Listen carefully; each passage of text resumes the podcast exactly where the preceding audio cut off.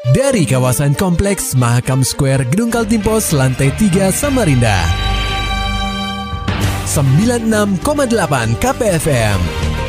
Kita akan ikuti program KP Flash News.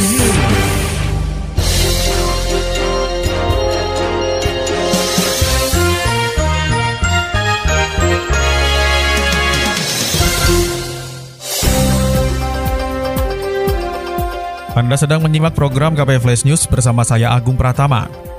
Pendengar KP Menteri Dalam Negeri Republik Indonesia atau Mendagri RI Muhammad Tito Karnavian resmi membuka rapat koordinasi nasional atau Rakornas bidang ketahanan ekonomi, sosial dan budaya se-Indonesia dengan tema sinergi memantapkan kerukunan sosial masyarakat dalam mewujudkan pemilu damai, aman dan harmoni di Hotel Kelaro Kendari, Sulawesi Tenggara, Selasa 11 April 2023. Dalam kesempatan itu, Tito tak henti-hentinya mengajak seluruh peserta, baik gubernur, bupati, wali kota, dan Forkopimda se-Indonesia, serta OPD terkait di lingkungan provinsi dan kabupaten se-Indonesia, supaya terus kompak menjaga ketertiban sehingga keamanan, ketertiban, kedamaian, serta harmonisasi tetap terjaga. Menurut ex Kapolri ini, banyak negara Eropa maupun Asia Selatan, misal Afghanistan dan Pakistan terus berkonflik. Belum lagi Rusia dan Ukraina, bahkan dari negara-negara yang berkonflik lebih cenderung membawa dampak negatif pada ekonomi, sosial dan budaya bangsa lain, sehingga ia bersyukur Indonesia tetap kondusif selama ini. Lebih penting lagi, Tito meminta agar seluruh elemen dapat mendukung dan menyukseskan pesta demokrasi serta kedamaian daerah. Oleh sebab itu, ia menegaskan kepada seluruh gubernur untuk dapat membentuk tim pengendalian konflik sosial di daerah, sehingga sebelum terjadi konflik, seluruh daerah telah siap dengan sikap yang dipersiapkan. Menanggapi arahan Mendagri Tito Karnavian, Gubernur Kaltim Isranur sangat menyambut baik hal tersebut. Dia berprinsip bahwa Kaltim akan taat pada arahan dari pemerintah pusat, mengingat jajaran Forkopimda Kaltim sejauh ini tetap solid dalam menjaga kondusivitas masyarakat. Beralih ke kabar Diskominfo Kaltim pendengar KP, Badan Perencanaan dan Pembangunan Daerah atau Bapeda Kaltim mencantumkan 8 prioritas perencanaan pembangunan daerah. Dari 8 prioritas tersebut, Sekretaris Daerah atau Sekda Provinsi Kaltim Sri Wahyuni menekankan agar salah satu prioritas yakni transformasi ekonomi tidak hanya menjadi sebuah slogan semata tanpa adanya aksi nyata. Sri Wahyuni menambahkan pihaknya bersama Bapeda Kaltim sudah mencoba melakukan review rencana pembangunan daerah atau RPD, serta fasilitasi Kemendagri bersama kementerian dan lembaga terkait, termasuk juga mencoba membenahi pengalokasian sumber daya yang menopang transformasi ekonomi. Meskipun Kaltim belum memiliki desain besar transformasi ekonomi, tetapi berdasarkan pernyataan jajarannya, sebenarnya Kaltim sudah punya. Tetapi periodenya ini sudah periode yang beberapa waktu yang lalu. Akan tetapi, Paling tidak itu bisa menjadi pijakan dan bisa menjadi sumber referensi ketika tahun depan Kaltim akan menyusun kembali dalam konteks kondisi yang sekarang. Sri melanjutkan sambil menunggu desain besar itu hadir, setidaknya Pemprov Kaltim sudah memiliki pemahaman bahwa harus ada prakarsa dan aksi nyata untuk menjalankan transformasi ekonomi. Aksi nyata ini bukanlah sesuatu yang biasa dilakukan, tetapi ada lompatan dan perencanaan kegiatan yang dilakukan sehingga ada output dan outcome yang bisa mendorong pertumbuhan diversifikasi ekonomi. Sri mengatakan berbicara mengenai percepatan transformasi ekonomi memang harus ada komitmen untuk melakukan percepatan alokasi sumber daya di sektor-sektor yang memang menjadi pemicu untuk diversifikasi ekonomi Kaltim. Khusus untuk Kaltim sendiri, setidaknya dua sektor ini bisa menjadi sumber untuk diversifikasi ekonomi, yakni pertanian dalam arti luas dan sektor pariwisata. Tentu transformasi ekonomi percepatannya akan tumbuh dengan sangat masif melalui hilirisasi, sehingga Pemprov Kaltim harus memperhatikan ruang-ruang yang perlu mendapat perhatian. Masih dari kabar Disko Minfo Kaltim pendengar KP, tekan angka stunting Wagub Kaltim mengingatkan masyarakat terapkan pola makan sehat. Laporan selengkapnya akan disampaikan reporter KPFM Samarinda, Muhammad Nur Fajar. Dalam upaya percepatan penurunan stunting di benua etam, Satuan Tugas atau Satgas Stunting dan Pemangku Kebijakan mengadakan pertemuan di Crystal Ballroom Hotel Mercure Samarinda pada Kamis 13 April 2023. Pertemuan ini dilanjutkan dengan rapat koordinasi tim percepatan penurunan stunting atau TPPS Provinsi Kaltim tahun 2023 yang digagas Badan Kependudukan dan Keluarga Berencana Nasional atau BKKBN Kaltim. Hadir dalam kegiatan ini, Wakil Gubernur Kaltim Hadi Mulyadi selaku Ketua TPPS Kaltim. Dalam kesempatan ini, Hadi Mulyadi mengajak seluruh pemangku kepentingan agar fokus pada setiap upaya yang mencakup intervensi spesifik dan sensitif secara konvergen, holistik, integratif, dan berkualitas melalui kerjasama multisektor hingga ke tingkat desa untuk menurunkan angka stunting. Orang nomor dua di benua etam ini menekankan, dalam upaya menekan angka stunting, yang terpenting adalah masyarakat bisa menerapkan pola makan dan gaya hidup sehat, karena untuk mengoptimalkan hal tersebut tidak perlu biaya yang mahal.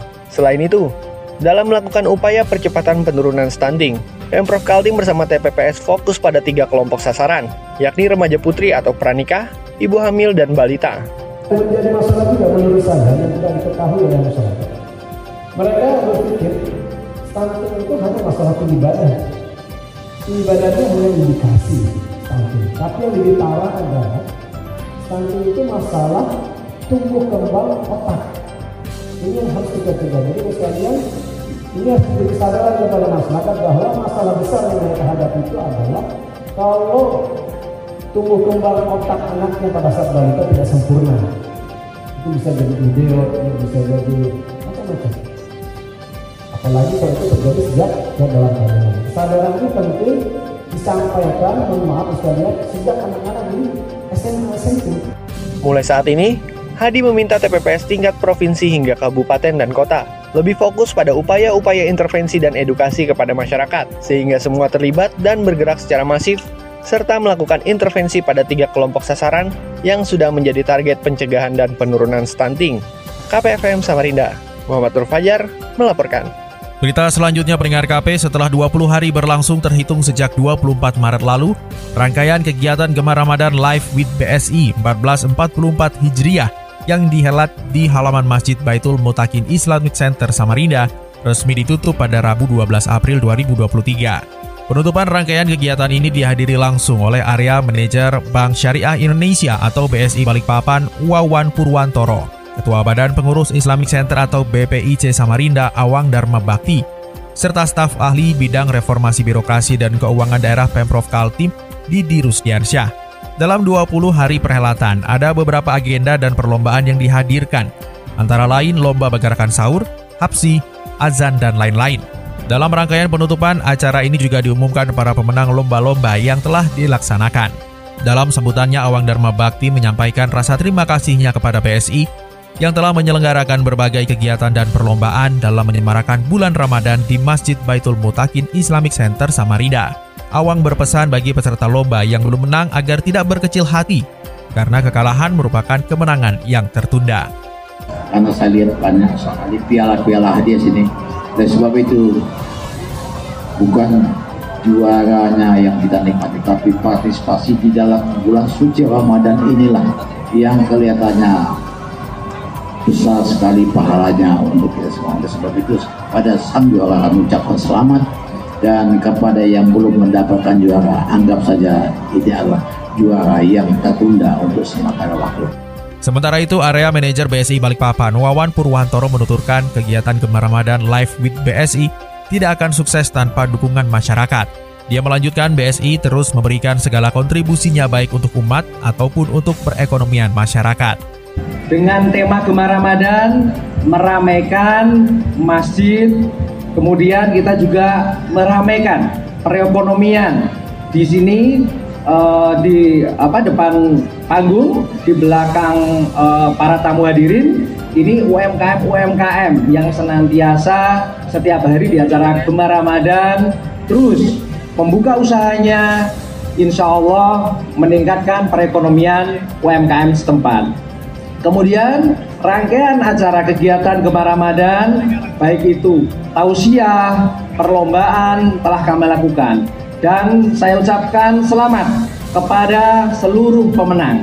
Di sisi lain, Pemprov Kaltim melalui staf ahli bidang reformasi birokrasi dan keuangan daerah di Dirus Diansyah mengapresiasi kegiatan yang dicanangkan oleh BSI di Masjid Baitul Mutakin Islamic Center Samarinda. Ini menyebutkan kegiatan Gemar Ramadan Live with BSI dapat dikatakan sukses terselenggara karena berhasil memenuhi beberapa indikator. Di antaranya adalah tingkat keramaian pengunjung dan perputaran ekonomi yang terjadi. Laporan yang kami terima selama 20 hari dari 23 Maret sampai dengan 12 April hari ini, jadi kurang lebih 20 hari pengunjungnya begitu membludak. Kemudian kita lihat juga peserta tenan-tenan yang ikut juga cukup besar. Dan yang lebih penting lagi adalah nilai transaksi yang terjadi dan jumlah pengunjung. Dan itu semua terpenuhi. Artinya apa? Kegiatan Basic Gemar Ramadan tahun ini ada di hati kita semua, khususnya masyarakat Kalimantan Timur. Setelah mendengarkan sambutan dari petinggi yang hadir, kegiatan Gemar Ramadan Live with BSI akhirnya resmi ditutup dengan pemukulan beduk.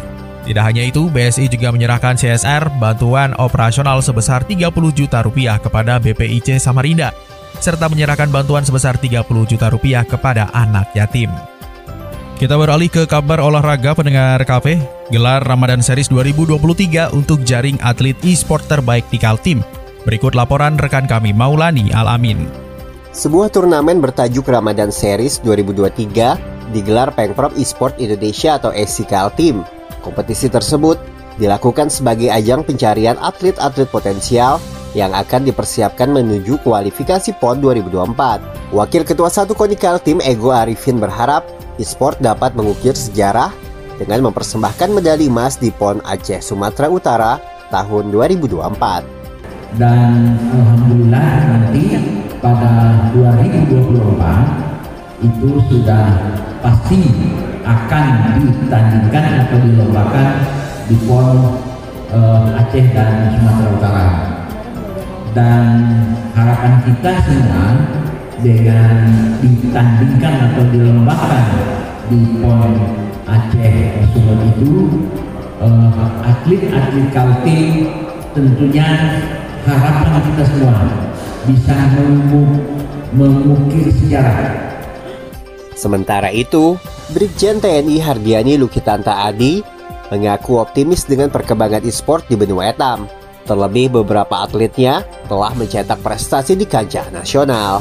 SC Kaltim ini memang uh, cukup aktif Pak ini, uh, kemudian para atlet kami sudah terbukti ada beberapa prestasi yang kita raih. Dulu ada yang tingkat dunia itu PS ya, apa sepak bola ya itu. Kita juara satu ya. Sekarang menjadi uh, pelatih itu. Kemudian kemarin lomba antar kodam dari 15 kodam kita juara dua juga pak untuk PS-nya eh, PUBG ya PUBG